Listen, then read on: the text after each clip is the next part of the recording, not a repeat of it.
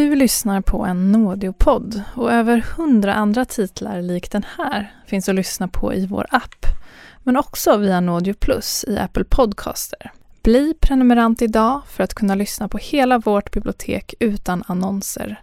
Och följ Nådeo Docs för att ha koll på poddarna vi släpper gratis.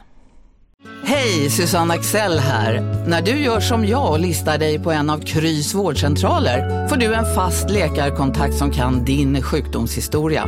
Du får träffa erfarna specialister, tillgång till lättakuten och så kan du chatta med vårdpersonalen.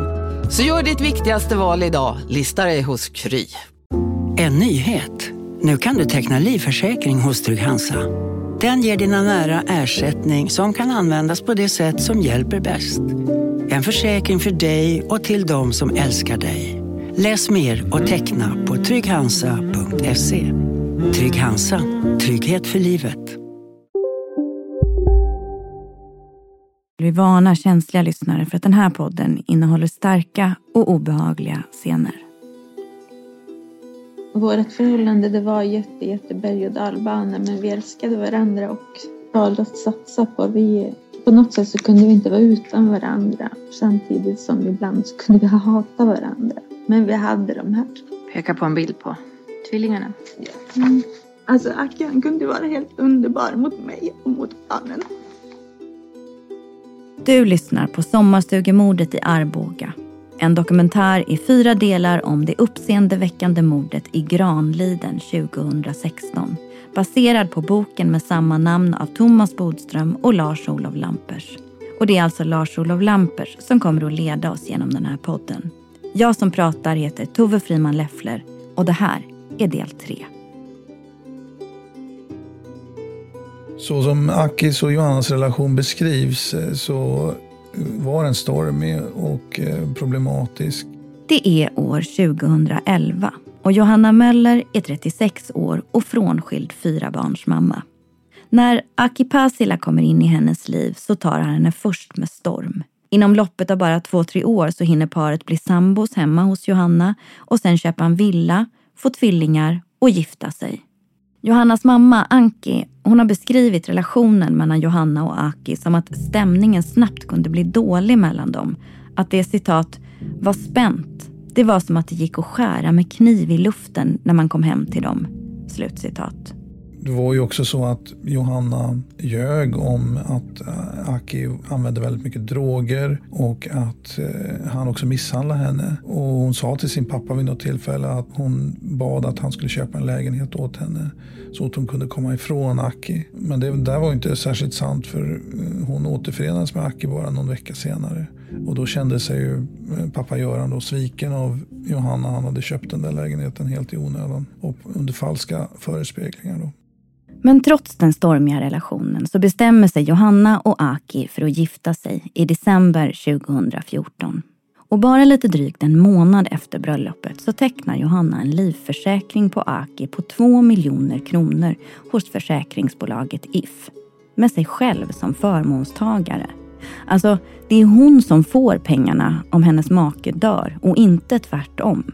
Och strax efter så reser de nyblivna makarna till Egypten för att fira Johannas 40-årsdag. Och både under och efter den här resan så tvingas Aki uppsöka vård för en infektion och en kraftig svullnad på överarmen. Och Aki säger efteråt att Johanna ska ha gett honom en injektion under resan. Och när han kommer hem så berättar han för anhöriga att han tror att hon har förgiftat honom. När Aki är tillbaka på jobbet igen så konstaterar han krasst för sin chef att det var en jävla skitresa. Och han hör också av sig till flera anhöriga och berättar att han har gjort slut med Johanna. Och till sin tidigare fru så skriver Aki ett sms. Om du visste vad hon gjort med mig så skulle du tappa hakan. Jag vet inte om jag vågar berätta. Så det korta och intensiva äktenskapet verkar definitivt vara över under våren 2015. Aki och Johanna säljer sin gemensamma villa och delar på både vinsten och vårdnaden om tvillingarna. Men sen träffas de några månader senare för att uh, fira Akis födelsedag då i Granliden. Då har Aki redan inlett en relation med en annan kvinna.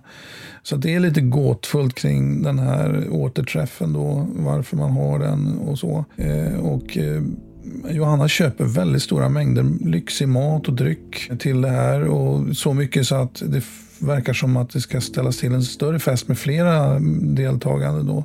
Eh, men eh, Johanna hävdar att det var bara de två och att eh, Aki på kvällen då blev onykter och att han skulle ge sig iväg ut i någon liten båt och lägga ut nät. Att Johanna blev trött och gick upp och la sig då, och tog med sig då, då tvillingarna som var där i huset. Ja, enligt Johanna så går hon upp med tvillingarna tidigt på morgonen den 8 augusti 2015. Och sen hinner flera timmar passera innan SOS Alarm faktiskt får in ett samtal från Johanna om att Aki saknas. Du ringer om din man säger du och du, han är försvunnen egentligen sedan igår kväll då i Hjälmaren. Ja, jag tror det. Ja, för båten, båten är borta och du hittar inte honom nu. Ja. Och då säger du att ni är vid någonting som heter Granliden och jag hittar inte riktigt det. Och var det mot? Mot Valön. Vad tror du har hänt? Jag vet inte.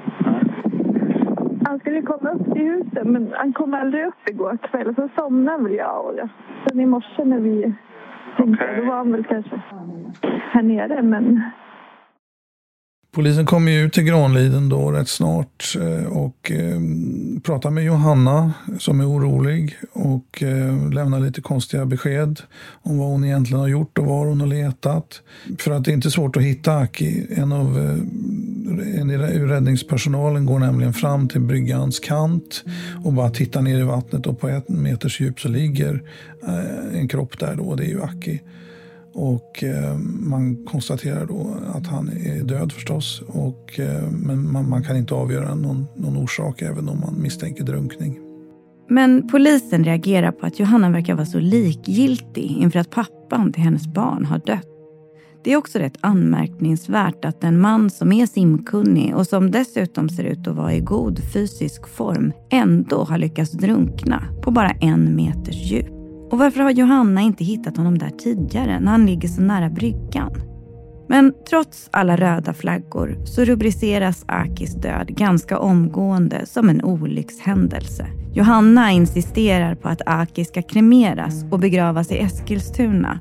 Men hans syskon däremot, de propsar på en kistbegravning. De misstänker ju alltså, som vi hört tidigare, att det är något som inte står rätt till när det kommer till hans plötsliga bortgång. Och i ett sms till Johanna så skriver ett av Akis syskon kort efter hans död. Han älskade sina barn. Vad gjorde du med Aki? Hur fick du honom att må så dåligt? Kan du svara på någon fråga överhuvudtaget? Och till slut så får syskonen sin vilja igenom. Akis kropp blir begravd intakt. I en kista på Gustavsbergs kyrkogård utanför Stockholm. Sådana här ärenden brukar inte vara så komplicerade egentligen. Men det blir det här därför att försäkringsbolaget och eh, If de fattar ju misstankar ganska omgående. Och det beror ju på att Johanna hör av sig efter bara fyra, fem dagar om att få ut den här livförsäkringen. Och det är väldigt ovanligt. Det brukar dröja många månader innan anhöriga gör det. Man sörjer ju och har helt andra saker att tänka på. Eh, och sen verkar det också då som att det är inte Aki själv som har tecknat den här livförsäkringen. Han vet inte ens om den. Utan det verkar vara Johanna annan som har gjort det. Eh, och på så vis så kanske inte ens den här försäkringen är giltig. Ja, när Johanna kontaktar If för att få ersättning från Aki Pasilas livförsäkring bara några dagar efter hans död så behandlar man det först bara som ett rutinärende. Men så ser en handläggare att If har haft mejlkontakt med personen som tecknade försäkringen och som borde ha varit Aki. Men mejladressen den tillhör förmånstagaren, Johanna Möller. Så redan från början så börjar man ju bli osäker där vad det här egentligen handlar om. Är det här en olycka eller är det kanske något värre? Va? Så IFs utredare kontaktar Aki Pasilas anhöriga och berättar som det är. Att de misstänker att något inte står rätt till med Akis bortgång. Och när försäkringsbolaget sen har kontakt med Johanna via mail så reagerar de på att hon undertecknar sina egna mail med bara MVH, kort och gott. Precis som hon har gjort i mailen där hon utger sig för att vara Aki. Och det visar sig också att försäkringen tecknades från en IP-adress i Eskilstuna där Johanna bor. Och vid den här tidpunkten så befann sig Aki på ett jobbuppdrag i Stockholm. Utredarna hos If de kontaktar polisen men till deras frustration så beslutar polisen att de inte ska gå vidare med fallet. Men det här hindrar inte If utan utredarna där de fortsätter att driva saken internt. Och I april 2016 så stämmer utredaren Mårten och hans kollega träff med Johanna på ett hotell i Eskilstuna för att diskutera Aki Pasilas död. Vi hör Mårten Sällström berätta om mötet inför rätten. Vi hade bokat ett konferensrum där och vi sågs strax efter 13 och hade ett samtal på runt eh, två timmar. Framför allt vill Mårten och hans kollega Gunilla ställa frågor kring en del logiska luckor i Johannas berättelse om olyckan. Till en början så flyter samtalet på i lugn och ro och trevlig ton. Johanna berättar att hon upptäcker på morgonen att Aki inte sover i sin säng. Och då frågar jag om hon eh, gick till gästhuset och, och, och letade. Och det gjorde hon inte. När samtalet kommer in på hennes relation med Aki, då blir Johanna både arg och ledsen och börjar gråta. Hon sa att han var en, en psykopat, han var kvinnomisshandlare, han hade trakasserat henne, han var farlig och ingen i hennes familj tyckte om honom. Eh, hela, hela samtalet så förvånas jag och Gunilla Dren över hennes eh, oerhörda ilska mot Aki Pasila. Och dessutom kommer det fram att Johanna inte har berättat för sina anhöriga att Aki dog vid föräldrarnas sommarstuga. Istället har hon sagt att han dog i en arbetsplatsolycka i Stockholm. Och det här samtalet blir spiken i kistan för utredarna. Nu har de bilden ganska klar för sig. Efter vårt samtal den 6 april så hade vi ett antal ganska korta korta mejl där Johanna Möller ville påskynda vårt beslut. När får jag mina pengar? När, när, kommer, när får jag kännedom om ert beslut? Men i mitten av juni 2016, tre veckor innan attacken mot Johannas föräldrar, så meddelar If Johanna att hon inte får någon ersättning från Akis livförsäkring. Ett beslut som Johanna desperat försöker överklaga. Hon skrev att jag förstår inte varför ni roddar i detta. Polisen har ju kommit fram till att det var ett olycksfall. Och det tyckte vi var lite konstigt för att om det är ett oklart olycksfall borde en änka bry sig mer så tillvida att, att vilja få reda på vad som har hänt. Men åtta dagar efter mordet och mordförsöket på Johanna Möllers föräldrar så bestämmer sig alltså polisen för att inleda en förundersökning. Både om mord på Aki Pasila och om försök till grovt försäkringsbedrägeri. Vi hör Anders Lindstrand på If som intervjuas av Hasse Aro i Nyhetsmorgon i TV4. Vad är det, tror du, som gör att polisen först nu tar upp er utredning och går vidare med den? Det är svårt att svara på den frågan. För oss är det glädjande att nu när överåklagare har tagit beslut om att det ska inledas förundersökning gällande mord och försök till grovt försäkringsbedrägeri. Det är ju naturligtvis mycket enklare att utreda brott precis när brotten har begåtts. Jag tror ändå inte att det är omöjligt. Men nu är det alltså nästan exakt ett halvår senare och Mohammed sitter i ett förhörsrum i häktet och har just erkänt att det är han som är den skyldiga gärningsmannen. Samtidigt som han då håller fast vid att Johanna inte på något sätt är inblandad i brottet. Utan istället så är han sällskap till Granliden av sin okända vän Ali. Men Johanna, hon har fortfarande ingen aning om att Mohammed har erkänt. Du lyssnar på en nådiodokumentär och så här låter några av våra andra titlar som finns att lyssna på som prenumerant. Via vår app eller Apple Podcaster. En vacker försommardag 1960 hittas tre ungdomar döda vid en vykortsvacker sjö i södra Finland. Det här är historien om plastikkirurgen Karl-Åke Troilius uppgång och fall. Ormen Friske flydde bombningen vid Helgoland. En bit ut eh, på en strand så hittar han en kropp. Bli prenumerant så kan du lyssna i timmar helt utan reklam. Nu på Storytel. Första delen i en ny spänningsserie. En liten flicka hittas ensam i en lägenhet. Hennes mamma är spårlöst försvunnen. Flickans pappa misstänks för brottet men släpps fri trots att allt tyder på att han är skyldig. Olivia Oldenheim på åklagarkammaren vägrar acceptera det och kommer farligt nära gränsen för vad hon i lagens namn tillåts göra. Lyssna på När allt är över av Charlotte Al-Khalili på Storytel. Välkommen till Maccafé på utvalda McDonalds restauranger med Baristakaffe till rimligt pris. Vad sägs om en latte eller cappuccino för bara 35 kronor? Alltid gjorda av våra utbildade baristor.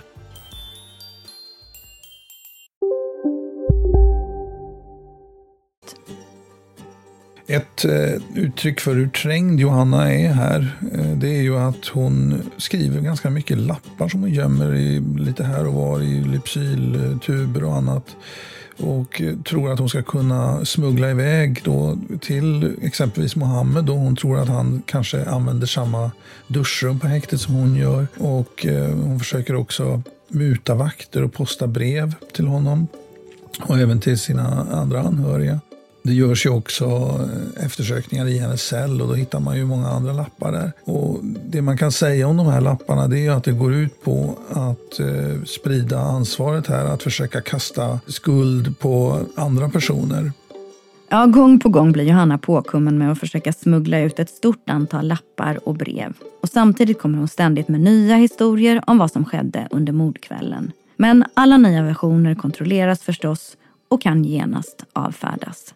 Och det där bekymrar ju egentligen inte Johanna så hemskt mycket för hon har väldigt lätt att bara skaka av sig en historia och hitta på någon ny. Så hon hittar på, story efter story. Och nu kommer en ny eh, berättelse här och den går ut på att vad hon egentligen gjorde den här kvällen då, det var att hon var ute för att köpa en pistol. Hon kände sig nämligen hotad av olika skäl och hon befann sig på en parkering någonstans och eh, hon skulle då väntar på att träffa någon, någon säljare av ett vapen. Ja, den här versionen den ändras sen till en betydligt mildare variant där hon uppger att hon bara åker till Willys för att handla frukost under kvällen. Men eftersom det inte finns något registrerat köp på Willys den här kvällen så ändrar sig Johanna igen. Och så säger hon att hon blir sittande i bilen på parkeringen i något slags chocktillstånd. Och det blir helt enkelt inte någon frukost inhandlad, säger hon. Och så mycket mer än det minns hon inte då från den här eh, kvällen. Det, det hon minns var att hon definitivt inte var i Granliden i alla fall. Och medan Johanna kämpar på i förhörsrummet så körs Mohammed ut till sommarstugan i Granliden där knivattacken utfördes. Det är ju vanligt att poliser vallar misstänkta på brottsplatsen och är, man gör ju det med Mohammed. Han har ju erkänt nu och nu ska han ju då berätta på plats hur saker och ting har gått till. Vi hör Ritva Rönnberg på TV4 Nyheterna om bilderna från vallningen. Ja, och då ser vi här sängen. Här kommer då den misstänkte med en kniv och då kan vi kanske berätta att när man gör rekonstruktioner så använder man inte skarpa knivar utan de är mjuka men de ser ut som knivar. Det är replikor av dem som ja, ska ha använts? precis. Och det är naturligtvis dockor som ligger i sängen här, det kan man nästan se. Eh, han sitter alltså över pappan och han hugger även mamman. Allt som Mohammed visar i rekonstruktionen från attacken stämmer väl överens med den bild som utredarna har av hur det har gått till. Förutom på en punkt. En ganska avgörande punkt. Han hittar inte till den här platsen Eh, när han försöker visa hur han har åkt då, så, så kör han fel och man måste då eh, köra tillbaks då till, till rätt avfartsväg och sådana där saker. Så att eh, det stärker då misstankarna om att han har haft någon med sig som, som kan vägen och då tänker man naturligtvis på, på Johanna. Men det vill inte Mohammed eh, tillstå att hon skulle ha varit med utan han fortsätter ju att prata om den här mystiska Ali men så plötsligt en dag så ber Mohammed på eget initiativ om att få prata med förhörsledarna igen. Och det där är alltid intressant för det, det, betyder ju att man har någonting man vill förmedla nu. Och mycket riktigt då, det han vill berätta då det är att nu, nu ska han då lägga alla kort på bordet i princip. Och han säger då att allt han tidigare berättat eh, om hur det gick till är sant, men med ett undantag. Den här personen som han har kallat för Ali existerar inte på det här sättet, utan det är istället Johanna då som har varit den som har, ja, ligger bakom allting som han säger. Va? Ja, här kommer det plötsligt. Efter månader av nekande så pekar då Mohammed ut Johanna. Och vid det här laget börjar utredarna få en hyfsat klar bild av vad de tror hände under mordkvällen. Mycket tack vare Mohammeds berättelse, men också genom övrig stödbevisning som bekräftar det som Mohammed berättar. Och det är att Mohammed och Johanna åkte hemifrån då, från Eskilstuna vid nio-tiden på kvällen. Och eh, under den här bilresan då så ska det uppstått ett gräl mellan de båda. Det här bygger ju på Mohammeds uppgifter. Eh, och det var att han ville absolut inte gå till någon attack mot hennes föräldrar. Men Johanna fortsätter att köra vidare. Först till hennes jobb där de byter bil till en firmabil, den roströda Volkswagen Touran. Sen kör de vidare mot Granliden. Och det är nu som det där vittnet ser just den här bilen köra i krypfart utanför hennes hus i närheten av sommarstugan. Klockan är då runt kvart i tio på kvällen. Och nu har då vid den tidpunkten Johanna uppenbarligen lyckats övertala Mohammed om att utföra den här knivattacken. Sen är man osäker på då om Johanna och Mohammed har gått mot huset tillsammans och liksom avvaktat på att Göran och Anki ska somna. Teorin som man utgår från i det här läget är att Mohammed går ensam upp till sovrummet och attackerar Göran och Anki. Och under tiden sitter Johanna kvar i bilen. Och sen eh, har Mohammed eh, efter attacken då sprungit iväg till eh, bilen och så har de återvänt till Eskilstuna. Bytt tillbaks till den vanliga bilen och efter det så har Johanna släppt av Mohammed in i centrala delarna där han bland annat har tagit ut pengar ur en bankomat. Och det här är ungefär det som Mohammed har berättat i kombination med den bevisningen man har. Men för Johannas del så har ju hon tillbakavisat precis allt det här. Va? Så att, eh, och man hoppas väl kanske att hon ska vika ner sig och börja erkänna. Men det finns inget som tyder på det. Nej, Johanna är alltså fortfarande benhård. Hon har inte attackerat sina föräldrar och mördat sin pappa. Men det som först utreds som ett mord och mordförsök, det har nu också vuxit till en allt större utredning. För förutom knivattacken mot hennes föräldrar så lägger man stora resurser på att försöka ta reda på vad som egentligen hände när Aki Pasila dog. Även om utgångsläget inte är det bästa så hoppas man att den nya obduktionen av hans kvarlevor ska lägga några av de saknade pusselbitarna på plats. Det finns ju mycket märkligt eh, som man kan komma i kontakt med när man eh, tittar på ett, ett mordfall. Eh, olika typer av gifter och arsenik och sånt där har man talas om. Eh, kiselalger däremot är kanske inte så vanligt att det förekommer i, i mordfall, men det gör det i det här. I samband med att en person drunknar så dras nämligen vatten in i lungorna. Och om det är så att Aki Pasila drunknat där i Hjälmaren så borde vattnet i hans lungor stämma överens med vattnet som finns just där, vid Granliden. Och om det inte gör det, då har han förmodligen dött på något annat sätt. Eller någon annanstans. Och när man gör de här undersökningarna så kommer man fram till att just eh, i Granliden och det vattnet så finns det väldigt höga halter av kiselalger. Alltså ska det finnas i Akis kropp. Men det gör det inte. Eh, det finns otroligt lite faktiskt. Så att det här stärker ju då polisen ännu mer i uppfattningen att han har blivit mördad. Frågan är ju bara vem eller vilka gärningspersonerna kan vara och hur det hela kan ha gått till. Men genom bristen på kiselalger i Aki Pasilas lungor så kan man i alla fall vara hyfsat säker på att han troligtvis har utsatts för något allvarligt i samband med sin död. Om man summerar läget lite grann på våren 2017 här då, så anser polisen nu att man i båda de här utredningarna har så mycket så att man är beredd att eh, gå till rättegång. Och den 28 april 2017 så väcks åtal mot Mohammed Rajabi och Johanna Möller för mordet på Göran och mordförsöket på Anki. Och för Johannas del så åtalas hon dessutom för anstiftan till mord på sin exman, Aki Pasila. Och som om inte det vore allvarligt nog så tillkommer ytterligare ett antal åtalspunkter för Johannas del. Vi har åklagaren Johan Fallander under Åklagarmyndighetens presskonferens. Beträffande den häktade kvinnan så växte åtal, som det står här, tre stämplingar under perioden 2014 till sommaren 2015. Det är då mordet för 2015 eh, i augusti.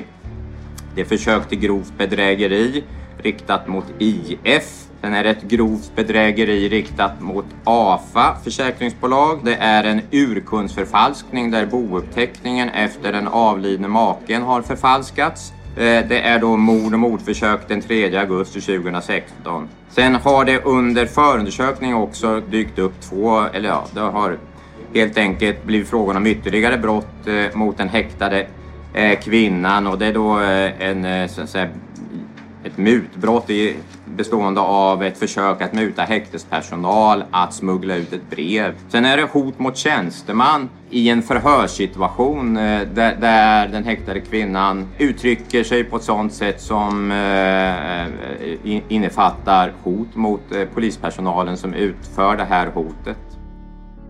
Det är med andra ord som upplagt för en minst sagt omfattande och utdragen rättegång. Och dramatiken som utspelar sig i den här rättssalen under våren 2017 den kommer att lämna ett stort avtryck i den svenska kriminalhistorien. Och en stor del av det här dramat det kommer Johanna Möller själv att stå för. Helt på egen hand.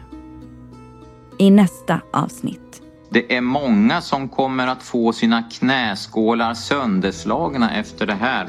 Vad menar du med det? Att Många som har betett sig illa mot mig har antingen blivit dödade eller blivit skadade.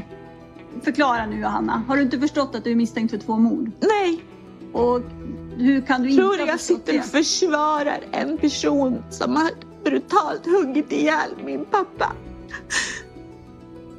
Du har lyssnat på Sommarstugemordet i Arboga. En dokumentärserie i fyra delar baserad på boken med samma namn av Thomas Bodström och Lars-Olof Lampers. Vissa namn i dokumentären har bytts ut för att skydda personerna. Producent och manusförfattare är Amanda Leander. Tekniker Kristoffer Kronander och exekutiv producent är jag, Tove Friman Leffler. Tack för att du lyssnar.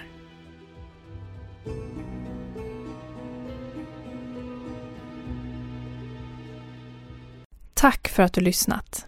Följ gärna Naudio Docs och glöm inte att mängder av dokumentärer väntar på dig i Naudios app eller via Naudio Plus i Apple Podcaster. Bli prenumerant så kan du lyssna i timmar helt utan reklam.